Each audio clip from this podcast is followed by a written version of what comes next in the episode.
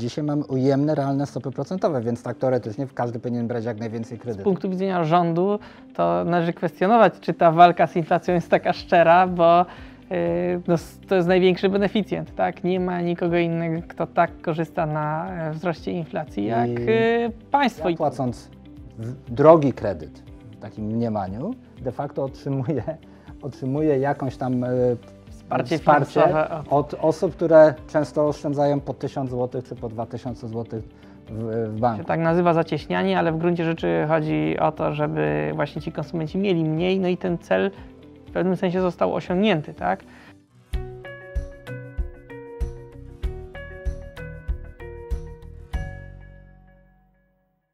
Dzień dobry. Jak długo jeszcze Polacy będą się mierzyć z wysoką inflacją i czy profesor Adam Glapiński ma rację zapowiadając, że na koniec tego roku inflacja spadnie do 6%?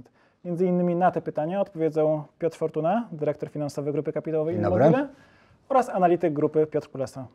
Dobry. Najnowszy odczyt GUS 17,2% to jest e, trochę niżej niż e, mediana prognoz inflacyjnych banków. Czy to jest powód do radości? Ja uważam, że nie.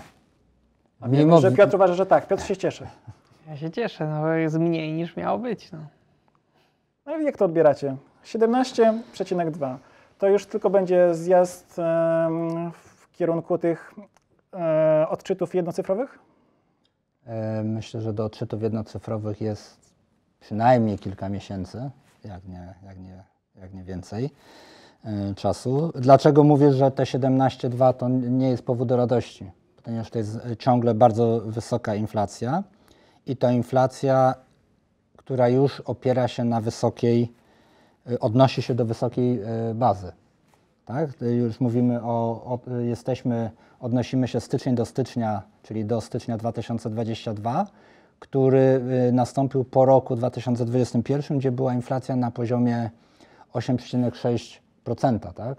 Czyli teraz już dodajemy, znaczy mnożymy y, o 17% to, co było, to, co było wcześniej. Tak?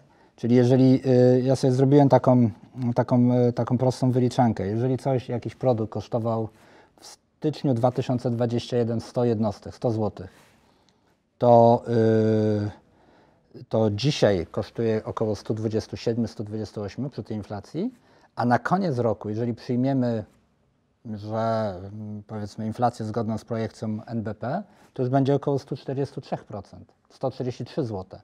Więc ten, to y, trzeba, trzeba pamiętać, że my nie mówimy o spadku cen, tylko mówimy o spadku tempa wzrostu tych cen, ale ciągle się odnosimy do y, cen, które już rosły, tak? Czyli to nie jest, że, że to masło y, czy ten produkt, on wzrośnie o 17 do jakiegoś ceny, którą pamiętamy. On wzrośnie o 17%, czy wzrósł o 17%, do ceny, która już była o 10% wyższa. Tak, dezinflacja jest modnym słowem, ale też mam wrażenie, że nie wszyscy dokładnie wiedzą, że ta inflacja dalej będzie występować, te ceny dalej będą rosnąć. Piotrze, jak ty na to patrzysz i jak patrzysz na przewidywania mm, prezesa NBP? Myślę, że ta właśnie ten spadek inflacji, e, czyli tego tempa wzrostu, on będzie szczególnie wyraźny od odczytów za kwiecień, czyli gdzieś dopiero w maju poznamy faktycznie takie niższe jakieś wartości. Mam nadzieję, że w okolicach 10%, ale raczej powyżej. E, dlatego, że szczególnie duży wzrost cen i to wielu, mm, wielu produktów, e, ale szczególnie takich, gdzie był strach, e, że będzie tego brakować, e, choćby też w paliwach. Był bardzo duży wzrost na koniec lutego po wybuchu wojny i na początku marca jeszcze nadal taki, takie nadganianie następowało, a później już było takie, powiedzmy, trochę rozluźnienie. Od tego czasu przecież ceny paliw, choćby na stacjach, mimo tego, że teraz mamy, e, mamy już pełny VAT, są niższe niż wtedy, tak, niż na początku marca. Także y, o ile oczywiście teraz te ceny jakoś nie wzrosną, to w kwietniu będzie spadek z tego powodu. Tak samo z innymi nośnikami energii, tak samo z żywnością. Tak naprawdę ta żywność miała swój szczyt jeszcze, jeszcze w grudniu tamtego roku. W sensie mamy myśli teraz o hurtowych stawkach e, na żywności. I teraz powoli już to gdzieś tam dociera do, do też tych cen konsumpcyjnych, więc tutaj też te, e, te wzrosty będą wyhamować e, mocno. Chcę Was zapytać o, mm, o to, co będzie dalej bo dużo się mówi o mm, cenach właśnie nośników energii i o efekcie bazy, że to są powody, dla których ta inflacja już nie będzie tak mocno rosnąć, ale mamy spadek mm, płac realnych, ludzie de facto biednieją. I czy to nie jest tak, że w związku z tym, że mogą mniej przeznaczyć na konsumpcję, to jeśli jakiś producent coś wytwarza wprost na, na rynek, to on już tych cen nie może tak mocno podwyższać, musi się liczyć z tym, że jest pewna bariera, której, konsumenci już nie wytrzymają. I z tego, między innymi z tego powodu te ceny już tak mocno nie będą rosnąć. Okej, y, znaczy ja myślę, że mamy kilka, kilka tych y, przeciwstawnych czynników, tak, które gdzieś tam na wypadkową dadzą taki, a nie inny poziom inflacji. Z jednej strony jest to, co mówi Piotr i, i z tym się zgadzam, że, mamy, że jest wiele czynników, które występowały w, na, w pierwszym półroczu ubiegłego roku, które już dzisiaj nie występują. Oswoiliśmy się z tą wojną, czy gospodarka się oswoiła. Widzimy, że nie powinno być takich szoków podażowych, braku gazu, ropy naftowej, żywność też. Pamiętam, że rozmawialiśmy o tym, że może być brak tej żywności w krajach powiedzmy trzeciego świata. I to też nie wystąpiło, I tak? te ryzyka, tak, te ryzyka raczej nie wystąpiły i nie wydaje się, żeby, żeby była obawa o, o, o te ryzyka y, w kolejnych latach. Czyli to jest jeden taki czynnik, który będzie sprzyjał, żeby y, ceny nie rosły y, tak mocno. Ale z drugiej strony mamy wzrost w bardzo wielu różnych tych takich mniejszych czynników, czy jednostkowo mniej takich spektakularnych, jak powiedzmy paliwa. Tak? Mamy wzrost płacy minimalnej.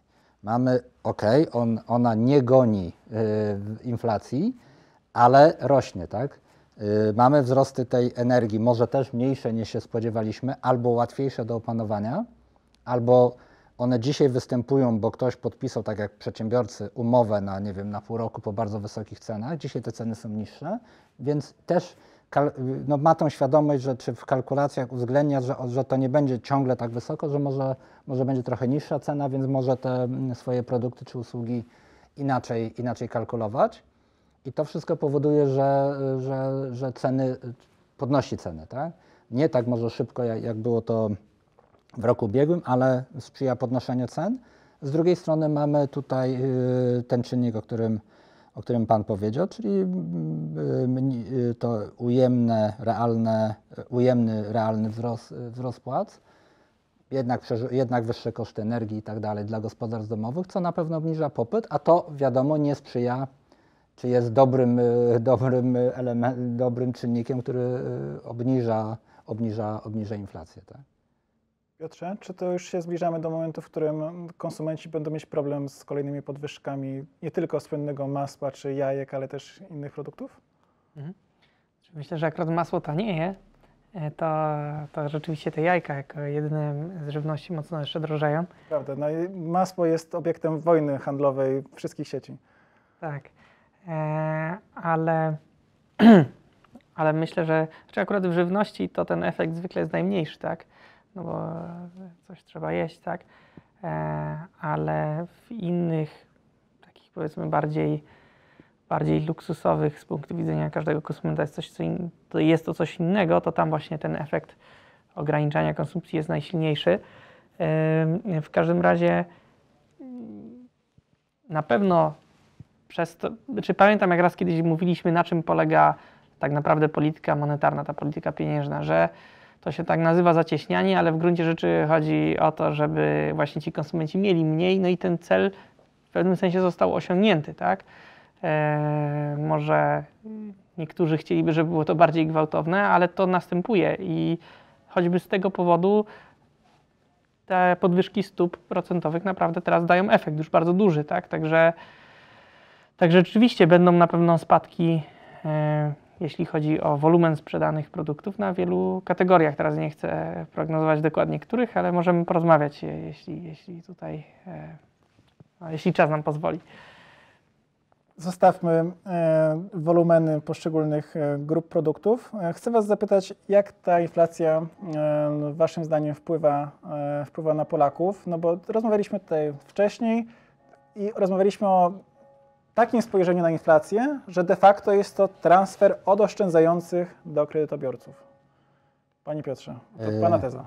Y, To nie jest moja teza, ja ją zaczerpnąłem z wypowiedzi, którą usłyszałem usłyszałem w radio, ale tą wypowiedź miał pan Piotr Soroczyński z Krajowej Izby Gospodarczej e, u Patrycjusza Wyżgi i ja się z tą jego tezą zgadzam. Ja ją w dwóch zdaniach spróbuję, spróbuję, spróbuję pokazać, przedstawić. E, Mniej wię- y, od powiedzmy tam lat 90. stopy procentowe y, czy stopy depozytów w bankach mniej więcej odpowiadały inflacji. Czyli jeżeli była inflacja 3%, to stopa depozytowa była może 2,70, może 3,10, w różnych okresach to było różnie, ale mniej więcej prosty, zwykły depozyt, bezpieczny depozyt w banku chronił oszczędności Polaków przed inflacją. Od w zasadzie od wybuchu pandemii, od obniżki stóp procentowych do zera, czy tam do tych 0 0,25, yy, mamy sytuację ujemnych stóp procentowych, czyli yy, versus inflacja, tak? Czyli yy, ten depozyt wiadomo, że dzisiaj, że on nie chroni przed inflacją. Tak, jeżeli nawet ma, znajdziemy jakiś bardzo dobry depozyt dzisiaj na rynku, nie wiem, 8%, a mamy inflację 17, to mamy 9%, mówiąc kolokwialnie, w plecy, tak? I teraz co to powoduje? E, y, znowu kredyty mamy oprocentowane, bardzo drogie kredyty, na które wszyscy narzekamy. Tak, sam mam kredyty hipoteczne i płacę dużo, dużo więcej niż płaciłem w momencie ich zawierania i, y, i, i jest to, jest to y, powiedzmy no, obciążenie większe niż, niż zakładałem, a dla niektórych osób wiem, że jest to obciążenie, które no, bardzo, bardzo mocno wpływa na ich, na ich budżet miesięczny domowy. Ale co ta sytuacja w takiej skali makro powoduje? Jeżeli mamy w Polsce około biliona złotych depozytów, tysiąc miliardów, tak? i mamy różnicę między inflacją a, czyli stopą depozytów, a tą realną inflacją na poziomie około, przyjmijmy dla, dla takiego trochę zaokrąglenia 10%, to powoduje, że oszczędzający, ci, którzy mają depozyty w bankach, a jest ich y, łączna suma tych depozytów to jest mili, bilion złotych, można powiedzieć w cudzysłowie, oddają 100 miliardów złotych do pożyczających. Czyli ja płacąc drogi kredyt w takim mniemaniu, de facto otrzymuję, otrzymuję jakąś tam y, Wsparcie wsparcie od- osób, które często oszczędzają po 1000 zł czy po 2000 zł w, w banku. Tak? Już nie mówię, że ktoś ma c- na roże w ogóle na zero tak? oprocentowanie. Ale, ale my płacimy dzisiaj, mamy ujemne, realne stopy procentowe, więc tak teoretycznie każdy powinien brać jak najwięcej kredytów, bo jest to z takiego y, matematycznego czy finansowego punktu widzenia opłacalne. Natomiast no, wiadomo, że y, trochę inaczej to wygląda w budżecie, w budżecie domowym. Jeszcze oprócz tych, którzy mają zero na roże, jest, em, są miliony tych, którzy mają zero w kanapie. Bo to Y, jest cały tak, czas popularny tak, tak. system trzymania oszczędności. Piotrze? No cóż, tak, tak jest, tak. Yy, Tak naprawdę może wcześniej nie było te stopy ujemne, ale były w okolicach, te realne mam na myśli teraz, były w okolicach zera już przez kilka dobrych lat wcześniej, także po uwzględnieniu podatku to i tak już na tym depozycie nie było się do przodu, tak, tylko było się w tak Ja, ja tutaj za przysłowiowe plecy już od kilku lat, ale po prostu teraz jest ta sytuacja dużo bardziej ekstremalna, tak? E, że ta inflacja jest jednak dużo powyżej, e, dużo powyżej tego, co można uzyskać na depozycie, no i to de facto to oznacza, tak, że ci, którzy na, na, mają kredyty, to otrzymują taki transfer Mhm. od, od tych, którzy mają Sprawdzałem tą, tą, tą tezę wyjściową, czyli że, Takie gotówkowe że, że, Mhm. że depozyty były powyżej inflacji i od przynajmniej od roku dwa, y, y, 2000 do y, praktycznie tego właśnie y, początku roku 2020 y, stopa referencyjna, a ona gdzieś tam kształtowała tą stopę, stopę depozytów, cały czas była powyżej, to w niektórych momentach znacząco powyżej. Tak, Tak, no właśnie- deflację, a było... W okolicach tego 2017 tak naprawdę już ta, yy, ta inflacja minimalnie tam przebijała, czy tam była w tej okolicy tej stopy, a wiadomo, Ale to że było bardzo, to, e, chodzi o to, że to mniej więcej tak y, y, odpowiadała, stopa depozytów odpowiadała tej, tej inflacji, tak? Nie wiem, czy Państwo wiedzą, ale nasi eksperci wypowiadali się na tematy inflacji stóp procentowych pół roku temu, rok temu i wiele z tego, co wtedy mówili, się sprawdziło. Między innymi e, przepowiadaliście, że z podwyższoną inflacją zostaniemy na dłużej. Jak teraz to oceniacie? Czyli to może tak sformułuję pytanie. Kiedy zostanie zrealizowany cel inflacyjny? No, wiemy, że NBP w ostatniej projekcji, żeby tam dojść do tego 2,5 plus minus 1, to musi wydłużyć tą ścieżkę do 2025 roku. Czy waszym zdaniem to się uda wtedy, czy, czy to będzie jeszcze, jeszcze później? Ja myślę, że to jest tak średnio realne, że wtedy za cały rok będziemy mieli taką średnią. Tym bardziej, że podtrzymuję to, co wtedy też raz mówiliśmy o tej inflacji z powodów tutaj zielonej polityki, tak? E, Ona w całej Unii Europejskiej, zresztą nie tylko, ale głównie teraz mam na myśli Unię Europejską, to będzie trwale podwyższało o kilka punktów procentowych tą inflację, którą mielibyśmy naturalnie. I choćby z tego powodu myślę, że to osiągnięcie tego celu inflacyjnego nie będzie takie proste. W krajach u nas się o tym nie dyskutuje, bo to jest bardzo, e, bo mamy bardzo wysoką inflację i jest to bardzo też e, teraz newralgiczny temat, ale e, już w strefie euro się też dyskutuje o tym na przykład, czy nie podwyższyć jednak tego celu inflacyjnego. Oni mają niższy cel inflacyjny. I właśnie nie zbliżyć się do naszego celu inflacyjnego, właśnie do 2,5%, żeby właśnie te EBC nie musiało tak podwyższać tych stóp procentowych. Także myślę, że to raczej w tą stronę pójdzie, że te cele będą podwyższane, a nie, że, yy, że ta inflacja tak szybko tam spadnie. No tak, ale czy jeśli mówię głośno, uda mi się zrealizować cel za dwa lata, chciałbym, żeby udało się zrealizować, to w Mhm. sumie to taki jest cel gdzieś tam na horyzoncie dopiero.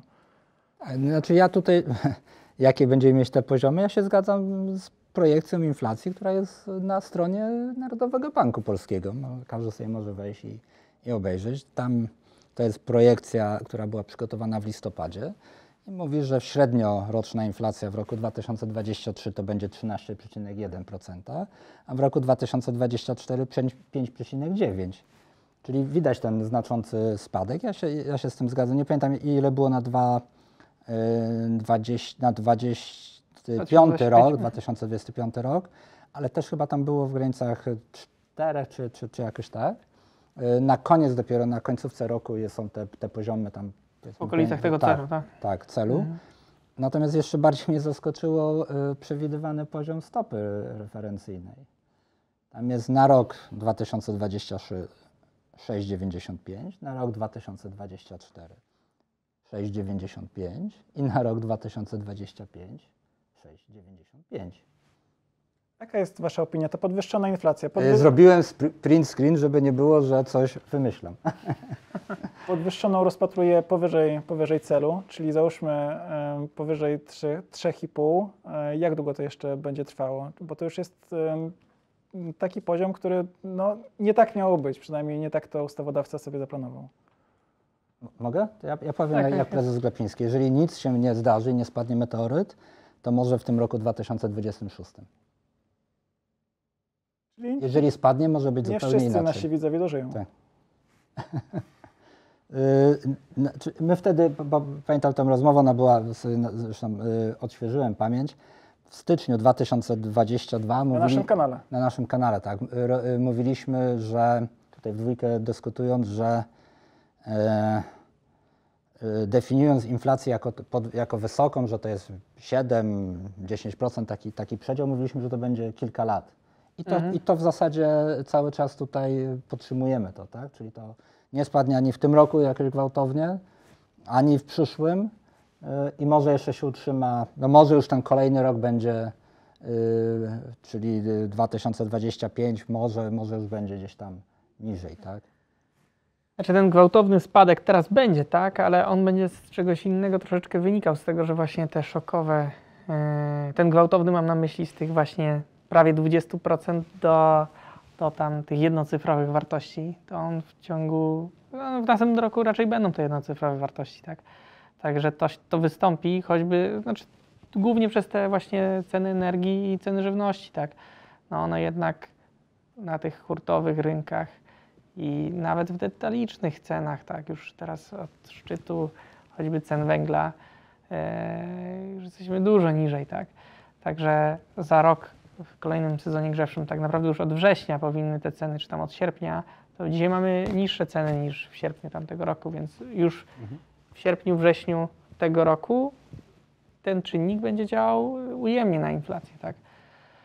Także ta inflacja będzie spadała, ale później, e, w sensie ta, poziom tej inflacji będzie spadał, ale później te spadki będą coraz trudniejsze do wyhamowania, bo to jednak wynika z tej siły rozpędu troszeczkę, tak, Wszyscy, wszystkim te koszty podrosły, też te, e, I w którymś momencie chyba trzeba będzie urealnić te ceny, które są dzisiaj regulowane, tak?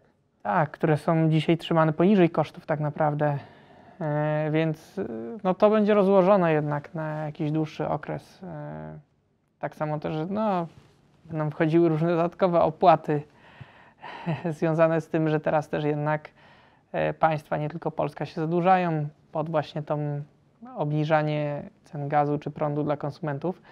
Później trzeba będzie podnosić właśnie, tak się śmieję, że te opłaty, nie podatki przecież. E, I to będzie też podwyższało jakieś znowu ceny, tak?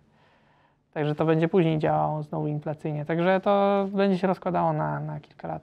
Jak rozumiem, cały czas na tej mapie Europy Polska będzie paliła się tym kolorem najbardziej czerwonym, no bo w, w krajach powiedzmy umownie starej, starej Unii na zachód od nas, no ta inflacja spada dynamiczniej. Już, już, już po prostu spada. My jesteśmy w innym miejscu tej ścieżki. Znaczy ja, ja bym tak się nie, nie znaczy okej, kraje tutaj tej Europy Środkowo-Wschodniej, w tym Polska, ale też powiedzmy trochę rozszerzając ten, ten zakres y, o kraje powiedzmy nadbałtyckie mają zdecydowanie wyższą inflację niż w tych krajach y, starej Unii, ale i tak ona jest y, tam y, bardzo wysoka. Inflacja średnioroczna w strefie euro to jest ponad 8%, tak? To jest dawno niewidziany, y, dawno niewidziany poziom i to nie jest wcale mało. Jeżeli przyjęliśmy definicję 7-10, no to jest to wysoka inflacja. Ona, ona może, y, może szybciej, y, y, szybciej spadać. Y, Natomiast ja bym postawił tutaj też taką y, tezę, którą, czy pytanie takie. My mówiąc jakiś, nagrywając tutaj też wspólnie, jeszcze też z Mikołajem pierwszy podcast o inflacji, ja przytoczyłem definicję inflacji z Wikipedii, z bardzo naj, banalnego źródła i tam był w tym, e, w tym e, definicji było też kto korzysta na inflacji. Na inflacji korzystają rządzący przede wszystkim, rząd korzysta. I w tym roku będzie na pewno bardzo dużo mowy o tym, że inflację należy zbijać, że powinniśmy mieć niższe stopy, bo to jest nośne społecznie. Natomiast nie wiem, czy w kolejnych latach będzie taka Tak, E, kiedyś skończy się taka- kampania wyborcza. Tak, kiedy skończy się kampania wyborcza, będzie taka determinacja do, do y, obniżenia tej inflacji. Bo trzeba powiedzieć, że tym bardziej w takim systemie jak u nas, czyli gdzie progi podatkowe dla osób fizycznych, ale tak samo progi przeskoczenia ze stawkami, czy tam wejścia w dodatkowe obowiązki podatkowe dla firm nie są waloryzowane w żaden sposób, to wzrost inflacji w naturalny sposób powoduje przy tym samym poziomie, e, powiedzmy, bogactwa dla danej osoby, czy tam przy tym samym poziomie realnego dochodu, powoduje wzrost realnego opodatkowania. No, też wpływy bezpośrednio, chociażby z VAT-u. Z VAT-u, bo tak. Przełożenie VAT-u na wzrost cen y, detalicznych na VAT jest 1 do 1, tak. No tak, tak. Także, yy, no ale na dochodowych podatkach Też, to jest jeszcze też, wyższe niż tak, jeden, tak? tak. No bo tu gdy jeden do jednego byłby, gdyby ta stawka się nie zmieniała, tylko te ceny Tak. nominalnie Mhm. wzrosły. A teraz mamy jeszcze dodatkowo wzrost realny tej stawki opodatkowania dla osób fizycznych. Zresztą nie tylko fizycznych, bo dla, dla firm podobny efekt. zachodu Najprostszy, tak najprostszy przykład, mówimy o y, tej y, kwocie wolnej od podatku, tak? 30 tysięcy? Tak. Y, A dzisiaj już płaca minimalna wykracza poza ten, ten próg. A od, y, od y, lipca będzie Będzie wykraczać kolejna podwyżka, znacznie, tak. tak? Także to, to jest tak. ileś osób, które, nie, ja, ja, nie- y, y, które nie, oczywiście relatywnie one będą płacić y, niską st- stopę, tak? Y, I, i, i okej, bo taka jest idea też kwoty wolnej, że ona wyrównuje, że mówi, im ktoś jest, zarabia mniej, nawet gdyby była liniowa stawka i wysoka kwota wolna, to osoby, które lekko przekraczają tę kwotę wolną, płacą bardzo mały podatek procentowy. Ale im A też ten- z inflacją bardzo skokowo rośnie, Rośnie. efektywna stopa Tak. opodatkowania. Mhm. Także generalnie z punktu widzenia rządu to należy kwestionować, czy ta walka z inflacją jest taka szczera, bo no, s- to jest największy beneficjent. Tak? Nie ma nikogo innego, kto tak korzysta na e, wzroście inflacji jak I- yy, państwo. I to nie tylko polskie, bo to każde państwo, które Pamiętajmy, że Inflacja, tak. y, państwo jest y, kredytobiorcą, tak? jest kredytobiorcą, także na kolejnym polu y, zyskuje, plus y, przy takiej inflacji można też więcej emitować gotówki do obiegu, bo zysk z NBP też jest tak naprawdę y, no, korzyścią dla, dla budżetu. Też y, wtedy jak się waluta y, osłabia, to wtedy też NBP będzie wykazywał zysk, czyli jeszcze więcej będzie znowu przychodów y, z tego tytułu do budżetu. Także generalnie na każdym polu, na które nie spojrzymy, oprócz tego, że ludzie zaczną się buntować, bo, bo będą odczuwali spadek dochodu, to na każdym innym polu rząd wygrywa. Przedstawiliście swoje prognozy inflacyjne. Chciałbym Was jeszcze poprosić o odpowiedź na pytanie, jak ta podwyższona inflacja w najbliższych latach będzie się przekładała zarówno na płace realne, jak i na przykład na decyzje inwestycyjne Polaków. No taki prosty przykład. No, mm, obligacje antyinflacyjne biją rekordy, ale jak to mm, będzie wyglądało, jeśli chodzi o mm, portfele Polaków, przechodząc z tych wykresów trochę takich abstrakcyjnych, no właśnie do budżetów domowych? Ja myśl, y, zakładam, że w tym, w tym okresie tych dwóch, trzech lat, o których dzisiaj mówimy, tak, czyli gdzieś w perspektywie do 2025 roku, te realne dochody będą, będą, będą malały. Z tych E, obligacji, prawda? Nie, ja mówię, znaczy w, Aha, o- generalnie generalnie tak, Mhm. czyli y, płace będą rosły, ale nie będą rosły tak dynamicznie jak, y, jak wzrost cen. Czy będzie się, czy y, jak to się będzie przekładało na decyzje inwestycyjne? E, Czy będzie popyt na obligacje, czy będzie popyt na depozyty, czy na, nie wiem, na akcje, czy, czy na nieruchomości? E, Trudno, trudno, trudno, trudno powiedzieć, bo ta y, sytuacja powinna, czyli jednak spadające ceny powinny spowodować, że gospodarka powinna po tym powiedzmy słabszym roku 2023 mocno odbijać i to może spowodować y, i fajne wyniki firm i, i, i powiedzmy możliwości zarabiania na, na instrumentach powiedzmy opartych gdzieś tam na akcjach, czy to bezpośrednio w akcje, czy poprzez jakieś instrumenty typu fundusze i tak dalej. E, Czy to będą te, te obligacje inflacyjne, no to, to bardziej bym to traktował nie jako inwestycję, a jako po prostu ochronę, ochronę kapitału. Tak. Tak, myślę, też myślę, że ten najlepszy okres, okres dla tych obligacji antyinflacyjnych to już powoli mija. Eee, one przy spadającej inflacji one są korzystne, bo masz tą inflację z poprzedniego roku. tak, więc, więc będzie ten relatywnie wyższe oprocentowanie niż aktualna inflacja, więc no, więc może jako zachowanie gdzieś tam z jakimś minimalnym zyskiem powyżej inflacji to będą się sprawdzały, ale jednak y, właśnie na tych, y, na wynikach firm powinien być najlepszy efekt, przynajmniej w takim dłuższym terminie, poza tym teraz szokiem, gdzie jest ten największy, no gdzieś tam spadek y, konsumpcji, popytu i tak dalej, to później jednak y, przez sam ten efekt, o którym tutaj mówiliśmy, że nominalnie przy tej samej skali e, średniego biznesu te przychody powinny wzrosnąć, a przez to też średnio powinien też ten zysk wzrosnąć tam o 40 kilka procent wynikający po prostu z inflacji na, na koniec tego roku, tak? Więc, Jeżeli jest możliwość przeniesienia to jeden do no, jeden. ale powiedzmy, że no, średnio, średnio no. dla wszystkich jedni nie będą mogli przenieść, Tak. drudzy będą mogli ponadproporcjonalnie przenieść. Ostatecznie średnio powinno wyjść Tak. e, tyle mniej więcej, czyli e, no, nominalnie to te zyski jednak powinny e, średnio e, bardzo dużo wzrosnąć w stosunku do tego, co, co było tam dwa lata temu, a e, ceny tych akcji na, na giełdzie spadały raczej, a nie rosły. Teraz ostatnio troszeczkę rosły, ale generalnie wyceny są niskie, a właśnie perspektywa jest taka, że w następnych latach choćby przez samą inflację, to jednak te, te zyski będą rosły. Yy, O ile firma przetrwa, to dana, to, to zyski będą mocno musiały rosnąć z powodu samej inflacji, tak? Dziękujemy. To wszystko na dziś. W szczególności pozdrawiamy osoby, które oglądają nas w 2026 roku i wiedzą, czy faktycznie inflacja, inflacja już jest w celu, czy też jeszcze nie, albo może osiągnęła ten cel szybciej. Dziękujemy za komentarze, lajki, subskrypcje. Do zobaczenia. Dziękujemy, Dziękujemy. do zobaczenia. Do zobaczenia.